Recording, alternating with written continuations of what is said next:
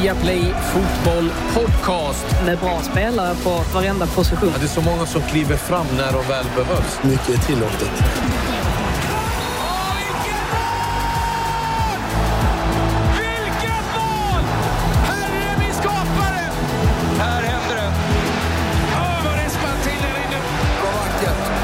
Nej, bästa dagen på året. Det största som har hänt fotbollen någonsin i princip. Hjärtligt välkomna ska ni vara till ännu ett avsnitt av Viaplay Fotboll Podcast. Bojan eh, sitter med oss här like Radio-studion och eh, kör nästan vågen. Är du, är du top of the League! Top of the League! Låt mig njuta lite till oavsett vad jag tycker och tänker. Klasse, leendet. Jag har saknat det. Jag har inte, jag har inte haft det här leendet typ åtta år nu. Ja, sen 2013 slutade jag le. Så jag tänkte jag måste vara positiv idag. Sågen, jag lämnade sågen hemma. Jag ska hylla allt idag. Till och med de som hänger löst. Han har varit hos frisören också, Bojan. Men eh, sen 2013 har han inte bytt frisyr heller. 2013? 1982? Jag föddes med det här. Det här parsen kom. Mamma la dagsvax direkt när jag föddes där på BB'n. Här får du lite dagsvax min son. Sen var det klart. Sen var det klart. En annan som inte varit hos frisören det är eh, Frida Klas. Fagerlund. Klas. Nej, jag hade, det var länge sedan jag, jag eh, frekventerade eh, ett, ett sånt ställe. Men eh, Frida, du kämpar på där Han i, sparar i London. Pengar. Han sparar pengar hos frisören, Klasse. Ja, alltså du, du har ju inte fel i att jag inte har varit hos frisören på väldigt, väldigt länge. Av den enkla anledningen att det inte går att gå till, frisör, till eh, frisör, eh, frisören. Ja. Så att nej, här sitter jag med mitt eh, lite stripiga hår eh, i lockdown fortsatt. Men eh, nej, det är fint väder idag i alla fall så ja, man har en blå himmel och, och titta, titta på. Titta på, jag tänkte precis säga det och inte njuta av. ja, man, får, man får leta efter de eh, små ljusglimtarna här i, i livet. Det är härligt att du är med oss i varje fall, så att, eh, det, det är vi väldigt eh, glada över. Ja, vi har mycket att ta tag i och ja, Leicester, de fortsätter att plocka tre poäng mot topplagen. Kan Brennan Rodgers och Leicester gå hela vägen? För Chelsea och Frank Lampard funkar däremot ingenting just nu. Är det dags att sparka Lampard rent av? Och så bjuder vi på en intervju med Liverpools Gigi Wijnaldum. Där han bland annat talar lite om sin kontraktssituation med Liverpool som givetvis av stort intresse. Det har Men, jag inte skrivit i min manus. Nej, Nej, jag vill ha lite mer djupdykning i jag, mina jag gör det enkelt för dig. Ja, det var väldigt enkelt. Det var väldigt ytligt. Nu vet jag vad vi kommer Du att är prata om. ytlig. Tack, tack, tack Claes. Vi ser ju på din frisyr att du är ytlig. Vill du också? Är du, har du tröttnat på mig? Vill du också att jag ska få sparken jag någon tröttnar aldrig på dig boy. Jag Eh, nu, nu tror jag att Frida har lite senaste nytt att rapportera. Förlåt däremot. Fred. Ja, nej, men lite, lite har det väl hunnit hända under eh, veckan. Eh, tänka sig att Robert Snodgrass skulle få så här mycket medialt utrymme. Det trodde man ju inte riktigt när eh, han lämnade West Ham för West Brom. Men eh, sedan Allardyce råkade avslöja det här att det ingick i överenskommelsen att Snodgrass inte skulle få vara med i matchen mot West Ham så har ju Premier League undersökt detta eftersom att det går emot deras regelverk att ha den typen av överenskommelser i eh, kontraktet. Nu verkar det som att båda klubbar kommer komma lindrigt undan den här gången. Eh, verkar som att det blir en skriftlig varning alternativt en liten bot men eh, de har nog lärt sig någonting i alla fall till nästa gång. Ehm, Om inte annat Big Ja, Sam. men precis. Att man kanske inte ska säga exakt allting man tänker på. Alltid. Eh, en annan som, eh, ja, eller en som vantrivs rättare sagt, det är ju Martin Ödegård i Real Madrid. Och det har inte gått Arsenal obemärkt förbi. Eh, som kommer göra ett försök då att försöka värva honom. Eh, han verkade ju i och för sig, han trivdes ju väldigt bra i Real Sociedad när han var där förra säsongen så att man kan väl tänka sig att La Real har pole position inför en eventuell flytt. Men som sagt, Arsenal är där och checkar läget i alla fall. Och på tal om Arsenal så är Emil Smith Rowe på väg att signa ett nytt kontrakt. Ingen skräll. Och den sista saken om Arsenal är att Mikael Arteta fick frågan på den senaste presskonferensen om han har hittat läckan i omklädningsrummet från i höstas. Ehm, det var ju en del stories som florerade då. Arteta svarade att han trodde det och eh, när journalisten undrade om det fanns något samband till de spelare som har försvunnit nu under januari tillade Arteta inga kommentarer. Eh, man kan ju dra sina egna slutsatser av det men eh, jag tror inte att han pratar om Matt Macy eh, direkt. Och eh, den senaste, väldigt senaste nytt egentligen är ju att Fifa sätter stopp för en utbrytarliga. Det var ju bland annat Nuno här för någon vecka sedan som gick ut och vädrade sin oro kring att det skulle kunna bli en sån typ, typ av superliga. Men nu säger Fifa att spelare som deltar i en konkurrerande europeisk superliga kommer stängas av från VM och eh, EM. Så att, eh, det är ju lite intressant. Ja, verkligen. Eh... Ingenting mer om Arsenal, Frida? Nej, det var väldigt... undrar vem du... Undrar, undrar vilka ja, Frida håller på. Men vilka, läckan, Frida? Vilka är, det som, vilka är det som har lämnat då? Det är Saliba, Sokratis, ja, uh, Messi. Uh, Kolasinac. Jag, jag, jag tror Mustafi är läckan. Jag tror Mustafi är läckan. ja, man vet aldrig riktigt. Han är där. Det var intressant i alla fall. Efter bilden man Özil, jag tror på honom. Ja, han såg väldigt ja, finurlig ut, Arteta i alla fall, när han eh, svarade. Så att, ja, vi får se om det läcker ut fler grejer som får han lite jobbigt där, Arteta. Eh, vi ska säga det att eh, du var inne på Wolverhampton lite grann eh, och de eh, verkar ha gjort klart nu med eh, William José, anfallare från Real Sociedad. Det är ett måste att de får in eh, lite kraft framåt. Eh, Michael Antonio, ja, han har ju mycket kraft eh, framåt. Han har också när han körde sin Lamborghini och kraschade rakt in i eh, ett, ja, säga ett hus nästan. Sedan. Ja, han har pratat om det för första gången nu i en podcast och eh, han berättar att han eh, fick sladd och Ja, Lamborghinin eh, var ju eh, paj och det sjuka var att han var utklädd till en snöman ja, också. Så han gick ju omkring och samlade in folks mobiler för att de inte skulle filma där utklädd som en snöman. Han tog inte av sig dräkten utan fortsatt snöman. Han glömde en och det var den som ägde huset så de har ju då sålt den här storyn överallt. Och Det här har kostat honom för att eh, när han skulle försäkra sin eh, nya bil nu då gick försäkringsbolagen in. Ett, det var flera som vägrade att eh, ta hans försäkring. Så det kostar över 200 000 spänn per år att eh, försäkra sin eh, Audi tror jag. Det, har du, det betalar du här i han, Sverige, Klasse. Han, han, han har råd med det. Men eh, han gick omkring där som snöman. Han, bara, och han säger själv, jag fattar inte varför jag inte tar med dräkten. jag fattar inte varför den körde så där snabbt så du fick, du fick slida. Uh, ja, ja, det, ja. det det där. Men måste vi bara nämna Cristiano Ronaldo. Nu eh, ståtar han ensam eh, som bäste målskytt genom tiderna. 760 mål. Ska vi säga att Messi 742 strutar, så att eh, han känner nog... Han kommer köra på ett tag till här, Ronaldo. Ja. Kolla på Twitter om Pelé är uppdaterat. Ja. Varje gång Ronaldo gör mål så uppdaterar Pelé. Men fyra gånger har han gjort över 60 mål. Eh, och det är liksom ett kalender och då jag gick in och tittade lite på NHL. En gång så har eh, sen 2004 eh, en NHL-spelare under grundserien, ska vi kanske tillägga, kommit över 60 mål. Det var Ovechkin, 65 stycken säsong 07-08. Stamkos hade 60. Alltså det, han, han hade toppat skytteligan i NHL, eh, Cristiano Ronaldo, med de där siffrorna han har. Så att, äh, otroliga siffror och eh, ska bli kul att se hur länge han krigar på här, den gode Cristiano Ronaldo. Det var vad vi hade eh, i nyhetsväg. Vi eh, blickar däremot eh, tillbaka direkt på det som hände i Premier League igår. Rodrigo. Silva. Silva skjuter i mål! Där sitter den till slut!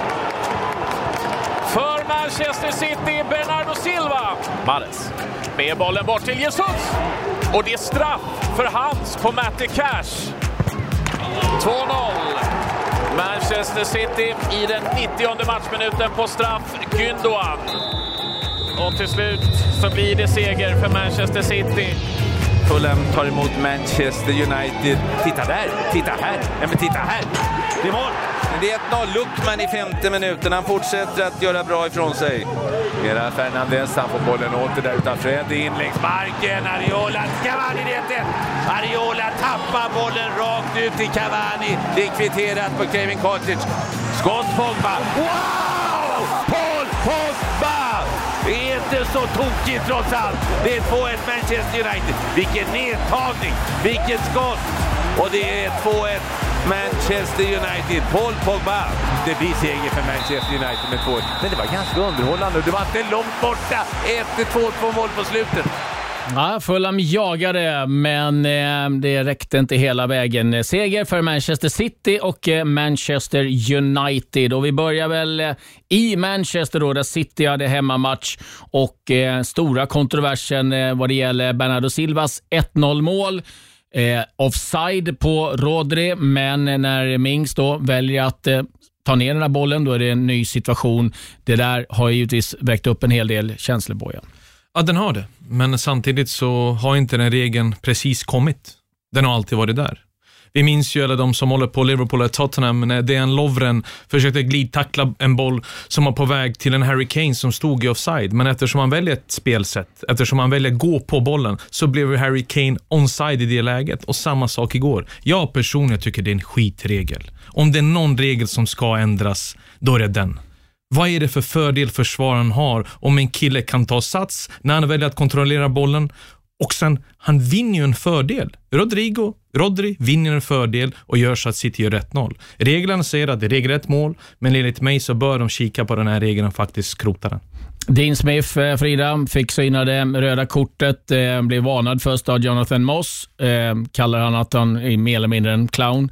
Eh, och eh, har varit rejält missnöjd som hela Aston Villa-läget efter det där målet framförallt. Ja, nej, men man har ju förståelse för det med tanke på att Aston Villa ändå hade lyckats hålla City borta från målprotokollet fram tills dess. Det är klart att City hade ju enormt mycket chanser. Eh, men det är klart att det blir surt att släppa in den typen av mål. Jag tycker också att den regeln är den är minst sagt dum. Sen samtidigt så kan man tycka att Tyron Mings ska göra det bättre i det fallet också. Jag förstår inte riktigt varför han ska hålla på och eh, plocka ner bollen på det sättet. Han hade kunnat göra det på ett betydligt säkrare och lugnare sätt. Han har en liten tendens av att göra den typen av grejer. Så att, tungt för Villas såklart. Eh, men samtidigt så var det väl rätt ändå att City vann på slu eh, i slutändan. Eh, just med tanke på det att de hade väldigt, väldigt många avslut och Villa hade ju lite flyt i, i andra situationer där när bollen inte hamnade i mål. Ska vi säga det, vad det gäller den här regeln som du var inne på det Bojan, den har funnits ett tag och eh, de flesta som har spelat fotboll tycker att den är väldigt korkad.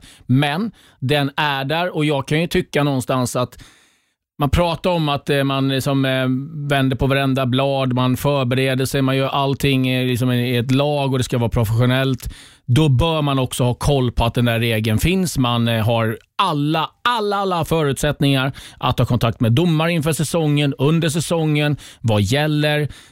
Jag tycker så här, det är, när jag hörde Dean Smith säga att jag aldrig har talat om den här regeln, då börjar jag undra, liksom att, då tycker jag att ett, det är ganska oproffsigt ifrån hans del att inte ha koll på den där regeln. Så att eh, där får de titta sig själva i spegeln. Ja, det är en skitregel, men den finns och förhoppningsvis så kan de ta bort den vad det lider. Så att eh, Regelmässigt gjorde Moss ingenting fel. Sen är han ju oerhört eh, känslomässig, Dean Smith. Alltså han är ju verkligen Um, alltså vi har liksom inte varit på en enda Aston Villa-match när han inte har skrikit svordomar längs Alltså han är ju helt galen.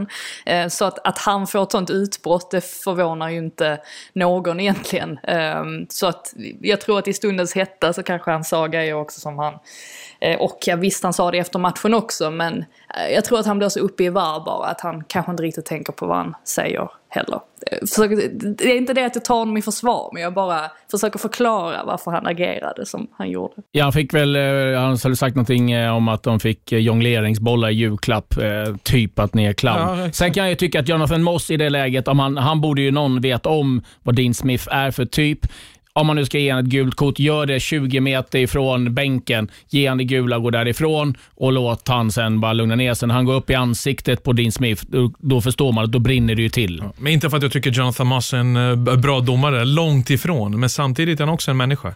Du vet, när någon, om någon skulle säga till dig att du är en clown, du hade också reagerat på det sättet. Det är svårt att vara neutral, det är svårt att vara en robot. Speciellt när du vet att du har gjort rätt. Speciellt när du vet att den regeln finns. Oavsett om du tycker att den är skit eller inte, så ska du kunna bete dig bättre. Men man har också varit där. Känslomänniska som Dean Smith är, så kunde han lugna ner honom efter första gula kortet och tagit avstånd och låtit fjärdedomaren kanske förklara för mm. honom att den här regeln är så och sen låtit matchen uh, gå vidare. Ingenting fel med det, men som, med det sagt så att 29 avslut hade i Manchester City. Till slut hade de fått in den bollen även om domaren hade vinkat offside. Nej, det kändes ett tag som att ingenting skulle gå in i mål, för även Aston Villa hade någon chans där de spelade in bollen. Ja, McGinn slängde in bakåt. Ja. McGinn halkar ju när bollen spelas från ja. Grealish till honom och då har han ju fritt skottläge med sin vänsterfot, men det hade varit orättvist. De skapade så mycket chanser. Bollen vill inte studsa in, men till slut håller de återigen en nolla, tar tre poäng. Gundogan är i sitt livsform också. Vi pratar mycket om Stones Diaz, men Gundogan på centrala mittfältet blir bara bättre och bättre varje match jag ser honom. Ja, han har varit eh, riktigt, riktigt bra. Spännande också att se Aston Villa. Nio spelare alltså som eh, drabbades av corona. Fyra eller fem stycken i ledarstaben och vi vet att vissa lag har drabbats, eh, eller spelare tagit den där sjukdomen ganska hårt. Gündogan var en av dem faktiskt och tog lång tid innan han kom tillbaka i slag, men nu är han i grym form. Manchester United och Paul Pogba, också en ganska bra form, Bojan. Grym form. Han har varit genomgående Manchester Uniteds bästa spelare. Eh, någonting hände efter Mino Raiolas uttalanden. Någonting hände också i hans huvud att eh, det handlar inte bara om talang, det handlar inte bara om ett namn, utan du måste prestera i det här laget. Och eh, istället för att bara hylla eh, Paul Pogba så måste vi berömma Ola Gunnar Solskjaers hantering av den situationen. Man har tagit honom åt sidan, vad jag tror, min personliga åsikt. Man har sagt ifrån. Man har sagt, hjälp mig så hjälper jag dig. Hjälp oss. Var den där Paul Pogba som jag vet finns där inne. Den här talangen, den här spelaren som folk har slutat prata om, som bara kritiserar. Låt fotbollen tala och gå ut där och vara en avlastning till Bruno Fernandes. Och det har definitivt varit nu när Bruno har varit svagare de senaste matcherna och en spelare som kanske bör och förtjänar en vila när han har burit det här laget på sina axlar under så lång tid. Så att det värmer att se. Sen får vi se vad som händer i sommaren. Jag personligen tror att han kommer lämna Manchester United. Såklart att det kommer vara synd, men vi har väntat i tre, fyra år för att se den här. Du vet ju själv under målklubben, mina Team Pogba t-shirts och allt möjligt. Alltså man har fått mycket skit för dem. För man har alltid vetat att det finns en världsklasspelare där inne som måste hitta en jämnare nivå. Det är landslagsplats på, landslagsplats på spel. Det är ett EM i sommar. Det är ett Manchester United som är i toppen av tabellen och ska de vinna någonting i år så måste Paul Pogba vara på samma nivå som han varit de senaste veckorna. Och återigen, Frida hamnar med underläge, vänder och vinner och gör det på bortaplan. Eh, de, de, får slita för det, men de lyckas ändå få med sig sina tre poäng. Ja, nej, men det gör de. Alltså det första målet är ju alltså egentligen både koncentrationsmiss och kommunikationsmiss eh, får man väl beskriva det som. Erik Bajie ser ju, eh, han såg helt ofokuserad ut i alla fall vid Eh, tiden för målet och det var ju lite snack om det där såklart med tanke på att Bajie gick före Lindelöf nu. Eh, han antar väl att Lindelöf vilades på grund av sin ryggskada som han dras av men eh, ja, alltså man förstod ju nu kanske varför Solskjaer ändå valde att spela Lindelöf mot Liverpool häromveckan. veckan även om han fick en del kritik för det inför matchen för att Bashir har ju förmågan att ibland blir lite så här ofokuserad.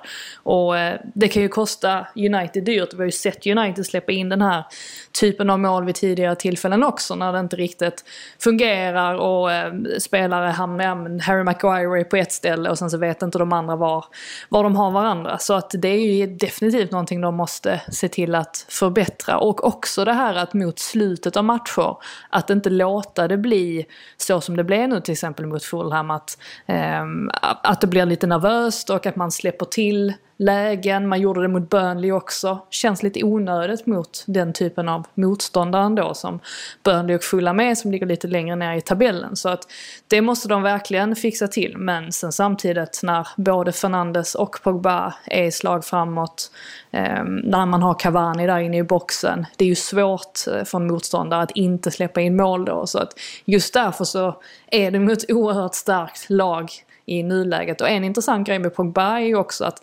oftast har han kanske inlett matcherna lite lite mer anonymt för att han har legat lite längre ner i planen. Och sen så i andra halvlek så har han klivit fram och då ser man direkt vilken tillgång det är för United. Så att det är inte förvånande ändå att de, eller överraskande att de ligger där uppe eh, om man har sett hur de har sett ut nu de senaste veckorna. Sen är det klart, de måste sluta släppa in de här onödiga målen också. Mm, han, Paul Pogba också ska man säga, just det jobbet han lägger ner. Nu handlar det inte längre om att vi alla vet att vilken passning spelarna har, att han kan skjuta från 25-30 meter, att kan träffa målet. Men först och främst så lägger han ner det hårda jobbet. Han vinner rätten till att spela den fotbollen som han är så bra på. tar hem jobbet, pushar de övriga. Det är en Paul Pogba som vi inte sett tidigare på det här sättet. En Paul Pogba som efter slutsignalen jublar. Det är en Paul Pogba nu som har känslor. Oavsett om man ser sig själv i United efter sommaren eller inte. Just nu är han så pass viktig och förhoppningsvis får man ut maximalt av honom de här 19 omgångarna som är kvar. För jämnheten har han hittat nu. Nu får det inte bli en berg och dalbana, för vi har sett det tidigare med Paul Pogba också. Runt transferfönstret, då oftast hittar han den här formen. Men då hade han inte det här arbet, arbetskapaciteten i sig.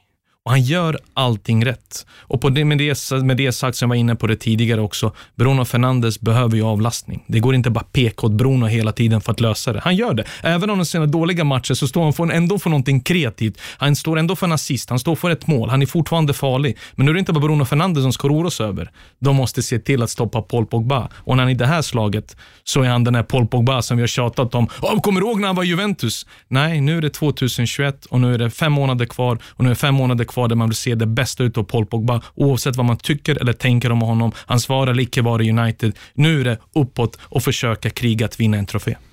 Frida, en sak jag fastnar för lite grann, eh, vi är inne på just med avlastning för eh, med Bruno Fernandes. Nu är det sex raka Premier League-matcher utan en enda minut spel för Donny van de Beek. Är det en spelare som är kvar i United det här januarifönstret ut, tror du det? Ja, alltså för att var ska han egentligen ta vägen då? Alltså skulle det handla om någon utlåning? För att det tror jag inte att de vill heller. Alltså de ser väl en, en funktion för honom på så sätt att ja, man kan liksom ha honom som en rotationsspelare. Bra i två mål ja, på träning. Nej, men, nej, men alltså man vet ju inte hur de, hur de tänker sådär. Men det är väl klart att det var ju rätt många av oss som höjde på ögonbrynen när de plockade in honom för att man tänkte att det var ju inte kanske den positionen som United främst behövde fylla.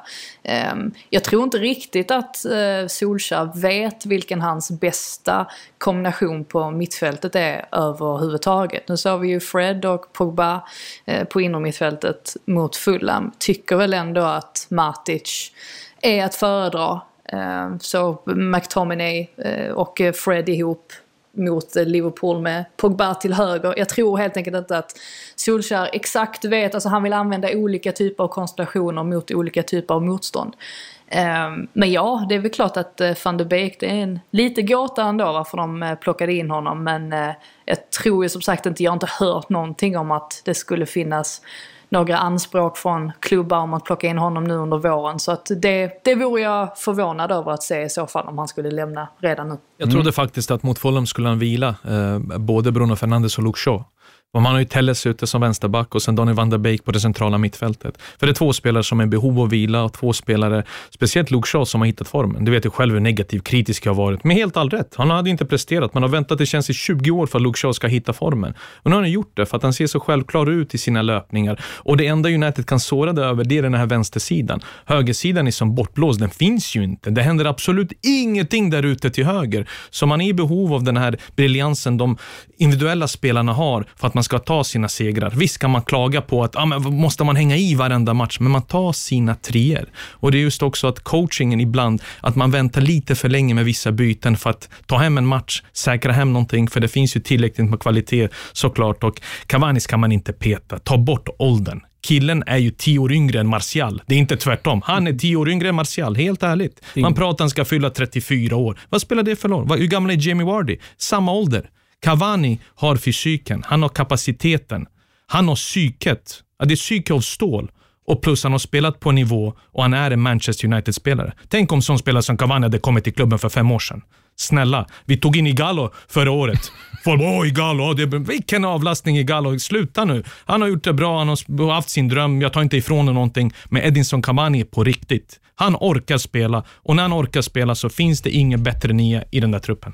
Mm, vi ska se här, jag ska säga det, vad det gäller van de Beek så det är ganska mycket snack i, i eh, Nederländerna om eh, att han inte då får någon speltid överhuvudtaget och det är eh, mycket kritik då mot eh, Solskär och United och det är ett EM som kommer och det är klart att det är en plats som kan ryka för Donny van de Men Klasse, Beek. i somras, kan- ja. i somras var ju... Ja, förlåt Reda. Ja, men du kan gå in. Förlåt, jag har pratat till Nej, jag, jag, jag blir bara förvånad. Hur kan man kritisera en tränare när det går så bra för ett lag? Det, det förstår jag inte riktigt. Alltså visst, han får... Ja, nej, men alltså, ja, men, eh, ja, men du, du vet ju hur det funkar. Om eh, absolut. Lindelöf inte fått en enda spelminut och det sett ut sådär eh, på mittfältet ibland, då hade ju svensk media också eh, givetvis eh, varit där och, och pratat varför får inte han spela. Så här. Jag kan förstå, Donny van de Beek gjorde det otroligt bra i Manchester United. Det var en del frågetecken när han skulle gå till United och de tycker att det har sett ganska stappligt ut ibland på det där centrala mittfältet. Och,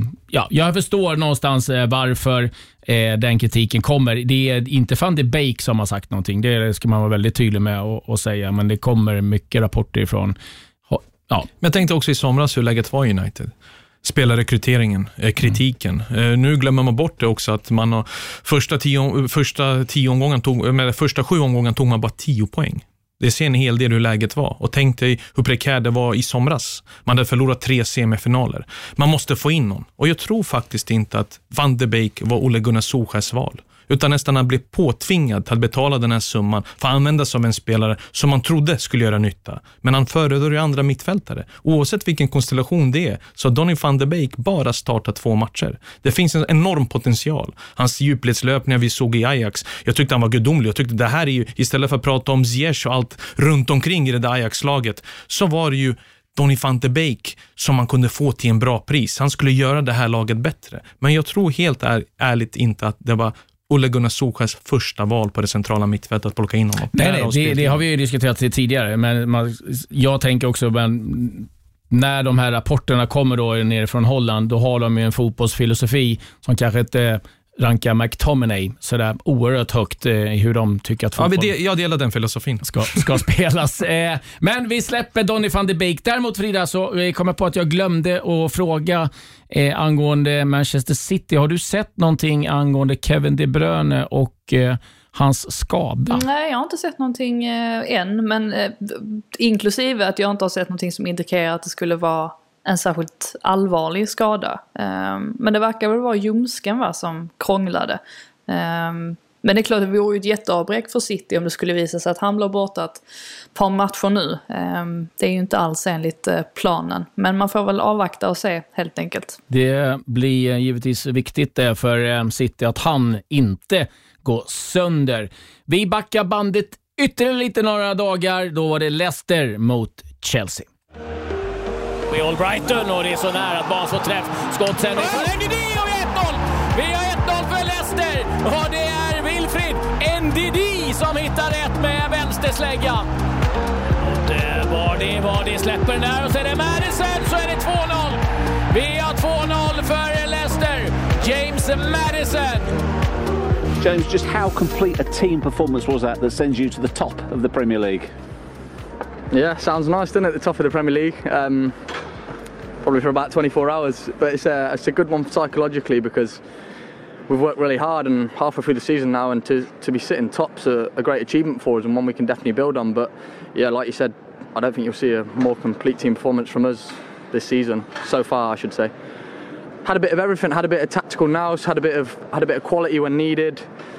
We work hard every time on, on stifling the opposition and the opposition's threats, and I thought we did that brilliantly today. Um, credit to the manager as well. We had a little little switch at half time to uh, go to a, almost like a bit of a 4-4-2 out of possession. Uh, 4-3-3 in possession stayed the same, but just little things like that, thinking on our feet. And I thought the lads out there, we dealt with the threat that came our way, and, and, and I thoroughly deserved three points. Is that the key to it? The combination of all of that, plus you all do the dirty work and you've all got each other's backs, it looks like. Yeah, well, you don't play for Brendan Rodgers if you don't do the dirty work. It's as simple as that.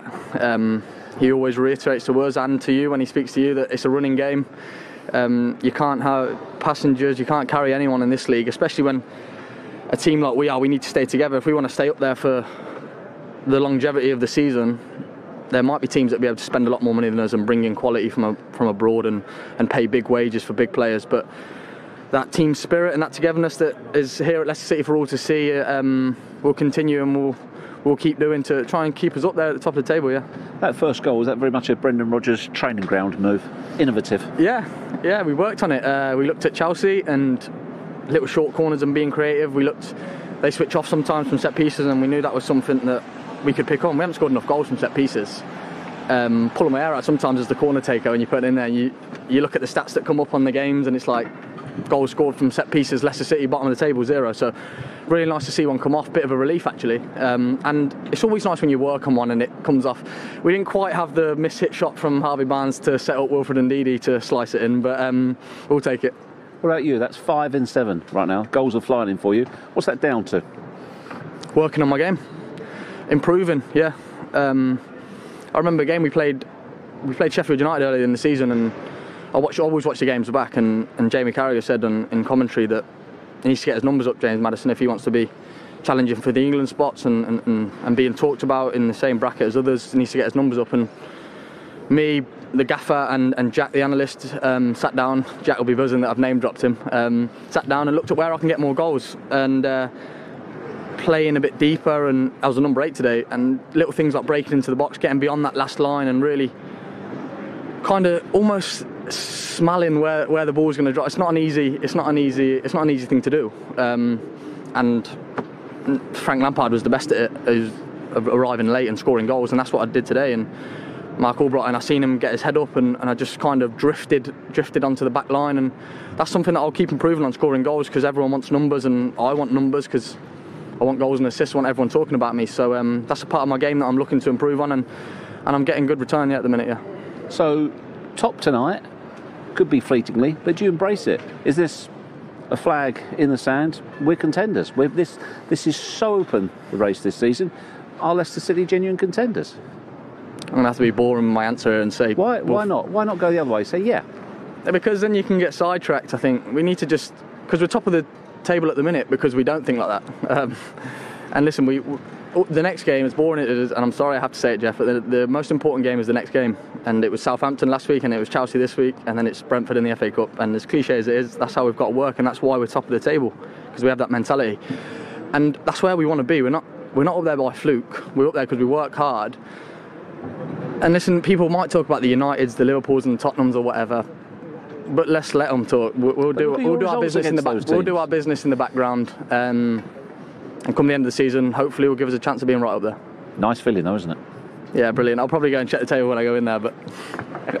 Cheers James, bra Cheers, Jeff. Thank you. Cheers. Underbart att höra Madison, James Madison. Jag satt där och tänkte jag måste klippa ner den. Han var så skön att lyssna på. Och Frida, eh, som har hängt i en annan mixzone, du vet att James Madison kommer vara allas favorit här nu efter. Eh, väldigt öppen och, och, och, rolig att höra på. Jag läste faktiskt eh, senast idag att eh, klubbar har gjort anspråk på den här intervjun och vill använda den som läromaterial för sina akademier så att akademispelarna kan lära sig hur en intervju ska gå till. Så det säger väl någonting om att den här intervjun verkligen var uppskattad. Eh, nej men alltså det man gillar mest också med Madison är ju det här att han tog åt sig av den lilla kritik som fanns emot honom. Det här att han kanske inte gjorde eh, tillräckligt mycket poäng och att han har försökt att förbättra sig. Och, eh, ja, men det här kommer ju liksom leda till en EM-plats. Jag vet att man säger det om rätt många spelare men är det någon som verkligen har steppat upp de senaste månaderna så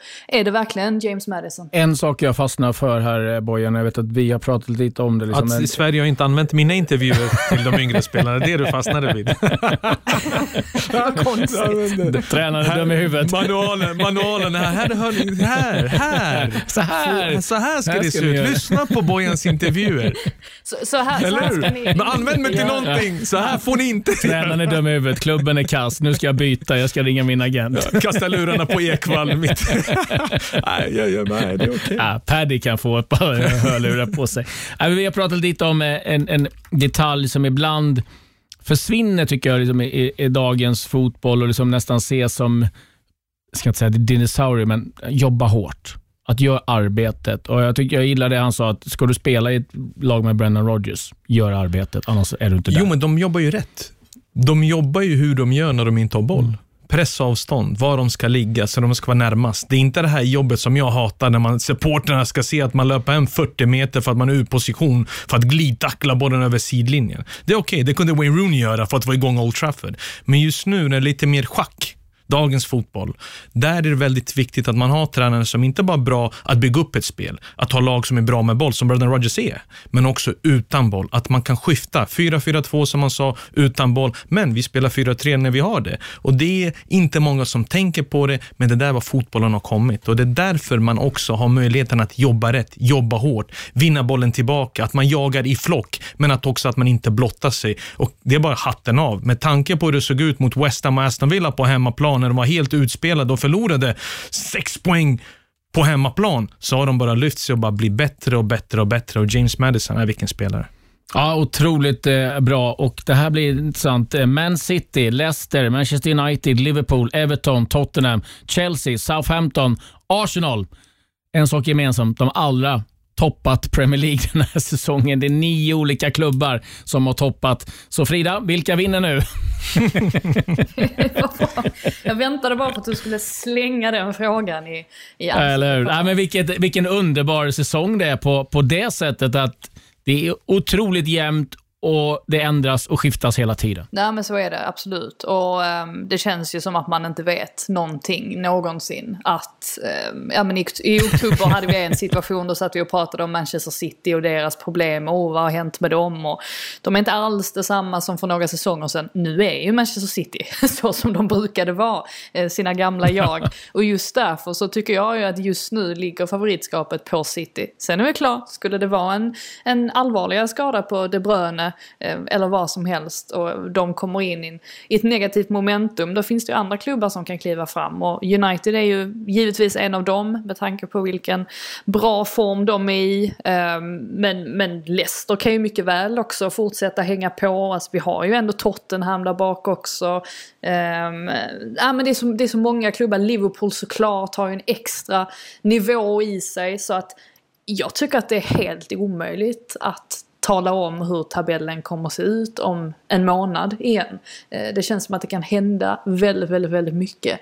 Eh, men med det sagt, just nu, här och nu, så är City favoriter i, i, min, i min värld i alla fall. Mm. Och Madison är en liten eh, favorit. Ah, kul att höra den intervjun. Och ska säga Telegraph hade en intervju, eh, eller en, en artikel om så lite roliga intervjuer och då var givetvis den här med och Charlie Austin, var this, var that. Ja, Southampton.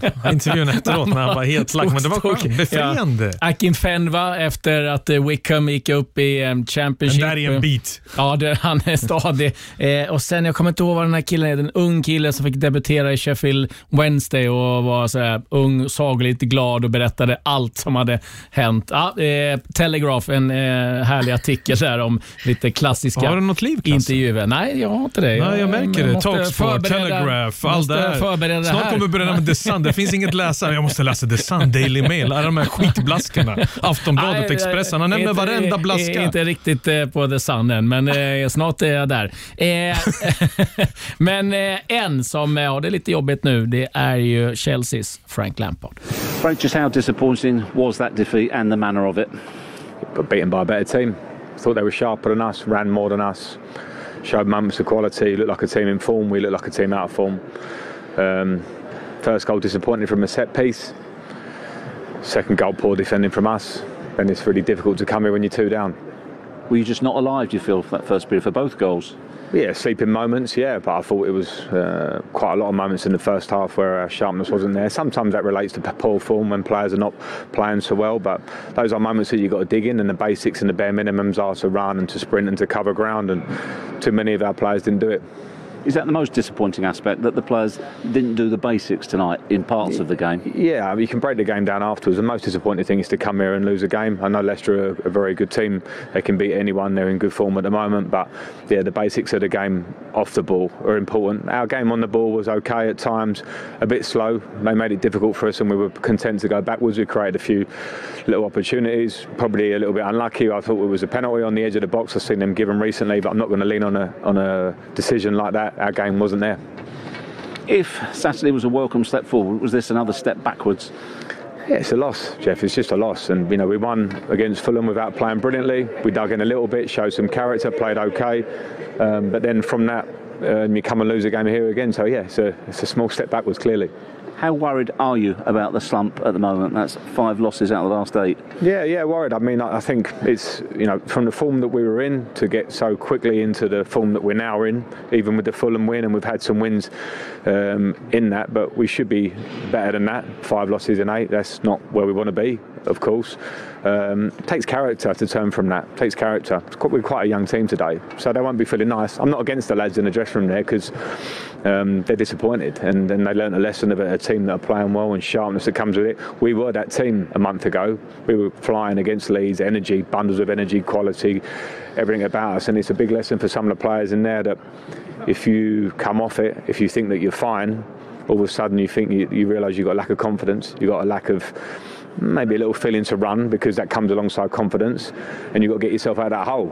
Intressant att höra Frank Lampard. Det, det jag gillar är att han inte börjar skylla på domaren, han skyller inte på något annat, utan han tar liksom ansvar och det man ska också komma ihåg är att när de flög så var han också där och tryckte ner oss att vi är inte redo för att eh, vinna ligan, vi har inte det laget. Eh, men man känner ändå en Frank Lampard som är pressad i det här läget. Och det är han absolut. Han var helt tydlig med det att de förlorade mot ett bättre lag. Ett lag som ville mer, ett lag som löpte mer, ett lag som satt ihop på ett bättre sätt och en la ett lag med en idé. Och det är det vart Chelsea har tappat. Jag ser inte under den här perioden nu när de varit i sin svacka, vad är det de försöker göra? Var är spelidén? Hur sårar de sitt motstånd? Allt är på chans.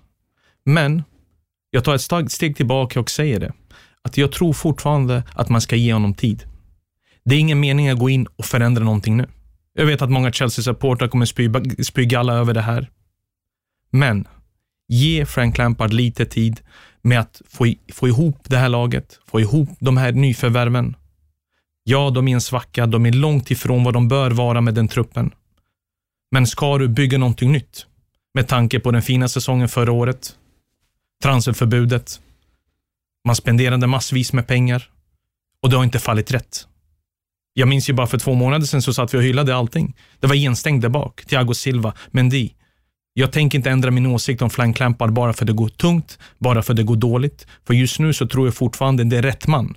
Har han haft möjligheten att styra skeppet när det gick bra? Ge honom möjligheten nu när det börjar sjunka lite.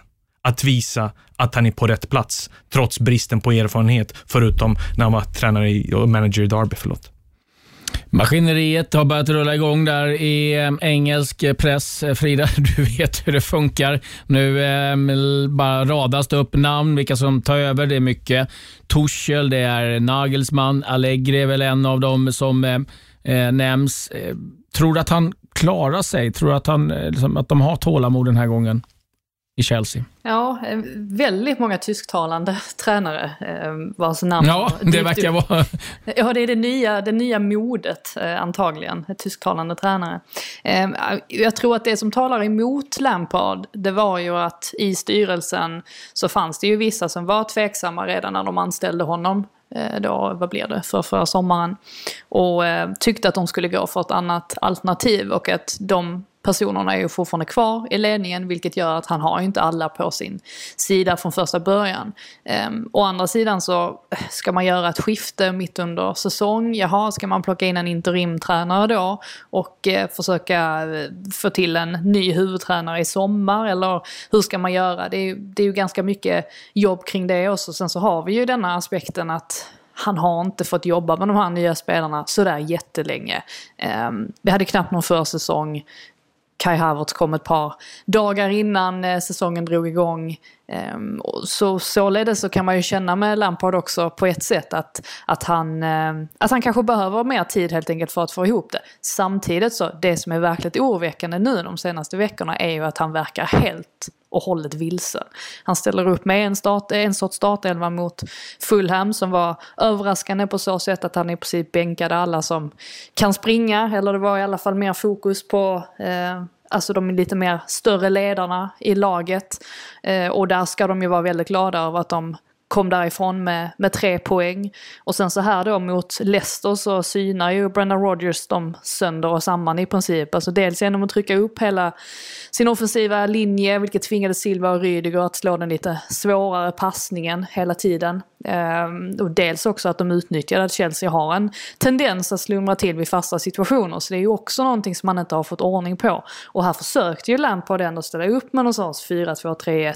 Där han skulle ge Havertz den här chansen att vara eh, i nummer 10-rollen. Eh, lyckades inte alls. Och en annan grej som också är ganska förvånande ändå, det är ju det här som han påtalar också, som Madison också påtalar i, i sin intervju, att Eh, Leicester-spelarna sprang mycket mer. Chelsea-spelarna såg ut att inte ens, ja men de jobbade ju knappt hemåt. Eh, tänker ju främst där på Reece James som man ändå har hyllat väldigt mycket de senaste månaderna. Man har pratat om att det är en eventuell ny lagkapten de har där i honom.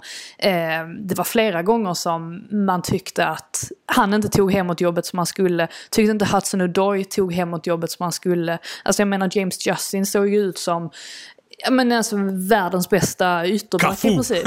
Ja, alltså det, det är mycket som inte fungerar um, i, alltså inställningsmässigt också. Och det tycker jag är oroväckande när det börjar gå ut över attityden. För det är en sak att de inte verkar veta vad de ska göra ute på planen och att det är oorganiserat. Men om de inte tror på Lampards idéer heller, finns det verkligen någon framtid då? Så att, ja, tycker ett oerhört tufft läge för Lampard nu. Och han måste vända detta tror jag i alla fall inom ett par veckor, att de i alla fall får resultaten med sig. För att annars tror jag att han ryker. Då, jag, jag Chelsea har inte det tålamodet. Jag kan, jag kan inte tänka mig att ledningen har det, det tålamodet, trots att han är den han är. Sen är det alltid mycket lättare för min del också att prata om en klubb eh, som jag inte håller så nära hjärtat. Eh, när man kan ta ett steg tillbaka och tänka tänka igenom situationen. Du vet ju själv med Manchester United, ibland tar ju känslorna över. Därav också min kritik varit kanske betydligt mer tuff i studien mot Ola Gunnar Solskär än mot Frank Lampard. Eller Arteta. Det har krävt tålamod, ge dem tid och sen ta ett beslut. För det känns ju verkligen så vecka in, vecka ut, ska han få sparken bäst, sämst, bäst. Det finns ingenting mitt emellan. Och därav, även om läget är tufft, även om det har varit skit, han har visat oss att det går. Och just nu tycker jag det är fel timing för Chelsea Football Club att sparka Frank Lampard. Men jag är inne på Fridas linje. De här matcherna nu som kommer blir direkt avgörande. Ta bort Luton i FA-cupen. Det är Wolverhampton och Burnley som bör besegras innan man tar sig an Tottenham i ett London-derby. Han behöver ha poängen. När man får poängen, då får man lite mer självförtroende tillbaka. Men han måste också bestämma sig för sitt centrala mittfält. Han måste också bestämma sig, vem är min nia? Det går inte skifta, förändra var tredje dag. Ny konstellation, blir ju bara problem i längden. Den truppen är tillräckligt bra, det finns spets, det finns kvalitet, men poängskörden är inte där nu. Och såklart, när Roman, Roman Abramovic bakom, så är pressen alltid där och Chelsea lockar ju folk, speciellt med den plånboken och den truppen han har nu. Inte den han hade förra året. Ja, det, det jag fastnade för inför matchen, gjorde ju Leicester-Chelsea, eh, två saker. Dels är det Brendan Rodgers att han har tackat nej 2012. Jag vill bygga upp min karriär, inte förstöra den. Eh, men när han går ut och säger att eh, men vi är inte redo att slåss om titlar, vi har ingen Diego Costa, vi har ingen Drogba, vi har inte så här, de här namnen. Han liksom, vi, vi, det, det lät ungefär som att han tränat juniorlag fortfarande. Jag menar, Visst, eh, Havertz har inte gått bra. Timo Werner har spelat en, eh, som spelar landslaget. Han har spelat en semifinal i, i Champions League. Det är som ingen duvunge. Han har Giroud som är världsmästare, Kanté är världsmästare, Thiago Silva med mängder erfarenhet, Aspelukoi. Alltså det jo, finns... Kovacic också. Kovacic, alltså VM-brons det kändes lite så här, jag tror inte att det togs emot sådär jätteväl. VM silver, för det finns kroater som lyssnar. Förlåt, De var i förlåt. final. Det här kommer du få, det vet du själv. Ja, jag tar den. jag hade också reagerat. Vadå brons? Vi var i final. eh, det tror jag att ledningen i Chelsea reagerar på efter att ha spenderat de enorma pengarna och då en tränare säger vi inte är redo att utmana om, om några titlar. Det tror jag inte går väl hem. Däremot så måste jag hålla med Frida om eh, James Justin, vilken lirare. Ja. Men också, gå tillbaka bara till Chelsea mm. sista. De ska inte ta in interimtränare. Det är inte rätta vägen. Ska de ta in någon så ska de ta in ett namn, någon med erfarenhet som kan utnyttja det här. Men ingen om något stort namn som är i behov av det här jobbet kliver in nu när det är ett par månader kvar bara på säsongen. Det är det jag menar. Lite mer tålamod och inte ta beslutet imorgon. Allegri säger jag i sådana fall. Allegri överallt. Mm. Nu när de lärt sig engelska, varje klubb som har problem, ta in Allegri. Ta in Allegri. kommer Boja sitta, fan vi skulle tagit Allegri när vi hade chansen. Eh, ja, eh, det ändras mycket. Första november så grät jag hemma över vår ligaposition. Nu har det gått, inte ens gått två månader, vi leder ligan. Tänk, vad fan All, händer? Eh, Boja sitter, Olli at the wheel sitter han hemma, jättenöjd. Efter Rio Ferdinands klipp med Olli at the wheel, vi kan inte gå ut och öga något mer. Nu är det bara må bra. Nej. Men eh, James Justin, eh, Leicester-backen som har spelat, ja herregud, han har spelat wingback till vänster, han har spelat mittback i en trebackslinje till vänster, högerback, vänsterback, han till och med har spelat ytter. Eh, 23 år gammal, eller 22, och eh, Brennan Rodgers sa att det där är en framtida engelsk landslagsspelare. Sen får vi inte glömma bort med Leicester, Pereira kom in. Mm, han är också tillbaka. Och det där, när du har glömt Pereira, som varit en av deras främsta spelare under fjolåret, då vet du hur bra ytterbackarna har skött sig. Och speciellt James Justin. Chilwell måste mått jättebra när han kom tillbaka. Ja, speciellt, när de blev utspelade bäst senast. Nej, jag tror inte han klagar. Nej. Nej, fantastiskt. Nu är det dags för tipshörnan.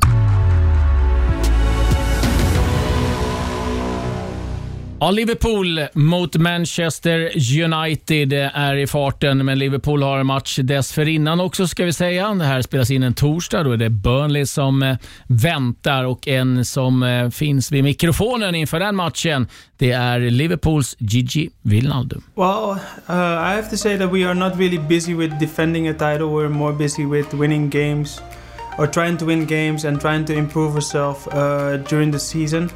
Um, you know, to defend the title, uh, I think you, you, you, look too far uh, ahead. I think you have to look at game by game.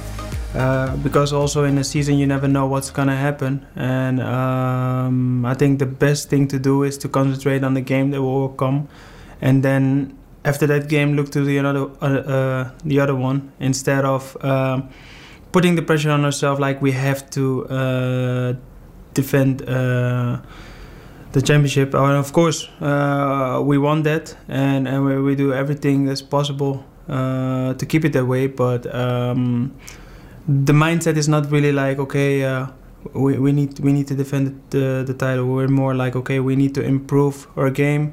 Uh, we need to uh, get better and, and improve the things we do. Henderson eh, söker Salah. Det är Cody som inte får tag i det.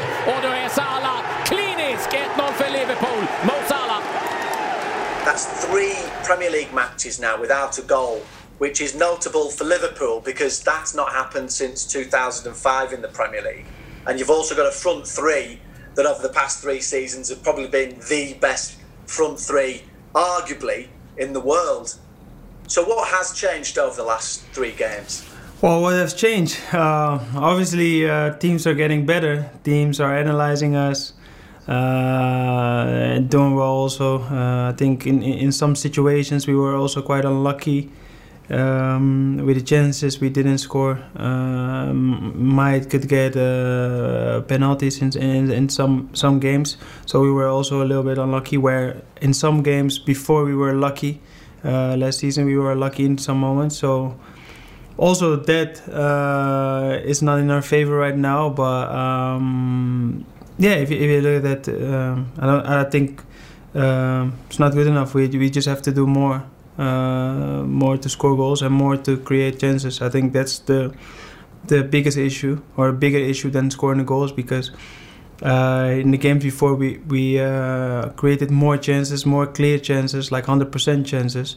So um, you know, if you clear, if you create more of that, uh, those kind of chances, it's easier to score a goal. Man är Wijnaldum blir det som, men fångar upp den, har med sig Salah, väljer att avsluta själv och det är klart han ska göra det! Jorginho Wijnaldum borrar upp den i krysset! Because you've played an awful lot of football over the last well, two, three years, high intensity football. All 17 Premier League matches you've been involved in this season. Um, so how are you? How, how are you personally doing? Are you are you feeling still bright and Um, you've constantly got that smile on your face? Yeah, yeah. Physically, mentally, are you are you winning? Yeah, yeah, I, I'm, I'm, I'm doing, doing great. Uh, I have to say that I have to do a lot uh, to stay fit. What you just said, uh, we play so many games. Uh, not only the Premier League, but you have the Champions League, the Cup games, uh, games with the national team.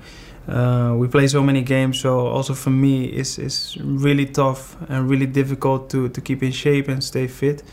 But um, it's going well till now. Uh, the medical team uh, helped me a lot, uh, doing great work with me to keep me fit. And um, yeah, also in training, sometimes um, you just go out earlier, uh, or um, you know, you have one day, uh, one day more rest. Uh, because you play so many games, so but also the, on day offs, I just trying to come uh, into the training ground to get some treatment to make myself ready for the next game. And I have to say, it's, it's, it's really difficult, uh, even more difficult than the years before, because uh, um, the years before we didn't have so many injuries uh, the mid, at the midfield position, and we didn't play so many games in a row.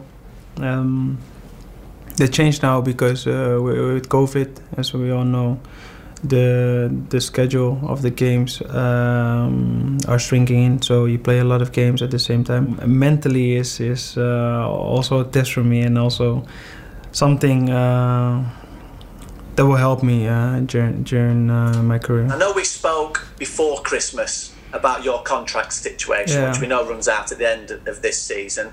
Is there any update that you can tell us? What is the latest situation? There's no update yet, uh, and I also think that I'm I'm not the one who should give the update. Uh, the the club should should give the one. So uh, if there will be an update, the club will give it. Mm, Wijnaldum, utgående kontrakt, det talas om Barcelona. Lite intressant att, att det är, mm, Frida, att han tycker att det är klubben som ska komma med någon information vad som gäller med det där kontraktet. Eh, man får väl vibban om att det är dags för honom att lämna, eller hur? Ja, ehm, jag tror i alla fall att det finns väldigt mycket respekt. Alltså att Wijnaldum har väldigt stor respekt för Liverpool och att Liverpool har väldigt stor respekt för Wijnaldum. Ehm, det är precis som du säger, och det är inte som att det har dykt upp en massa Ehm, ja, alltså en massa rykten och sådär kring detta. Vi vet ju att, um, alltså varför Barcelona har ögonen på Wijnaldum. Det är ju ganska mycket ändå som har med hans nationalitet att göra kan vi tänka oss. Uh, eftersom det är en holländsk tränare i Barcelona. Um, det är mycket möjligt ju att han känner att han vill testa på någonting nytt och då är det här den, hans stora chans. Och att jag tror oavsett hur eller när Wijnaldum lämnar så kommer det liksom accepteras av ja, fansen och eh, klubben också. Eh, för den delen. Viktig spelare för eh, Liverpool, viktigare kanske än man tror många gånger. Ja, väldigt viktig. Eh, väldigt underskattad spelare.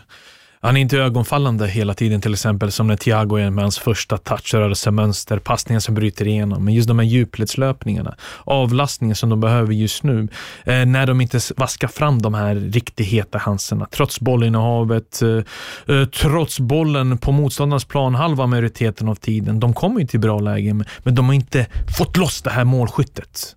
Eh, men det kan inte bli sämre. Trots allt slår de Burnley bara tre poäng upp och det är ett skede när de blir hårt kritiserade frustrerade när folk tycker att de är slut. Jag hade också velat träna ett lag som är slut och de är tre poäng ifrån toppen. Så det kan bara bli bättre. De har haft stora bekymmer med mittbackspositionerna och Wijnaldum är en sån spelare som behöver göra lite mer poäng och ta sig in i straffområdet. Han är så härlig när han flyter fram. Hans timing när bollen kommer ut till höger eller vänster.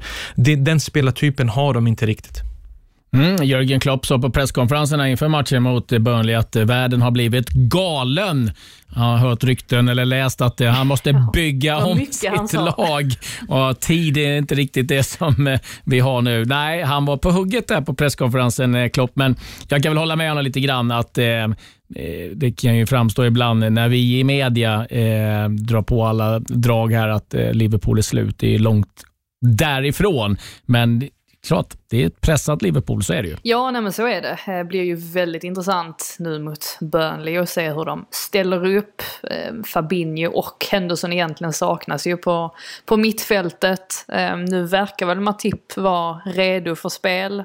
Vilket är ett alltså, jättevälkommet tillskott för, för Liverpool på så sätt också. Inte bara det att han är en ordinarie mittback utan han har en uppspelsfot också som är väldigt viktig eh, kring deras offensiva spel. Så att eh, ja, vi får se, vi kan väl tänka oss i alla fall att de kommer gå för det. Ehm, det måste man nästan göra mot Burnley för att man vet ju eh, redan på förhand hur, hur de kommer att spela i alla fall. Jag tänkte säga Bojan har gått och funderat hur ska Burnley spela? Hans favorit McNeil är på gång. Dwight! Dwight! Liverpool behöver en 4-0-seger, Klas. 4-0! 1-1 blev det i fjol mellan de här Nick lagen. Pope var helt fantastisk. Men, den, minns eh, jag, den gjorde jag faktiskt. Nick Pope var helt Mm. fenomenal. Han bröt ju deras svit också om jag minns. På en vinster på hemmaplan i rad och det var ju Nick Pope som stod i vägen. då, Men det gör han inte ikväll. Nej, vi får se hur det går. Den matchen ser ni på Viaplay och eh, våra kanaler givetvis. Sen är det Manchester United som väntar i helgen för Liverpool och eh, vi har all anledning att återkomma och prata om Liverpool framöver. Ska bara säga det också lite snabbt att det är nu klart också med att eh, man i Premier League kommer att genomföra det här hjärnskakningsbytet eh, framöver, vilket gör att det andra laget också får göra ett byte ifall en spelare skulle då få en hjärnskakning. Man har två sådana extra byten att tillgå om det skulle behövas. Med det så säger vi väl tack och adjö för oss. Hej, hej! Hej, hej!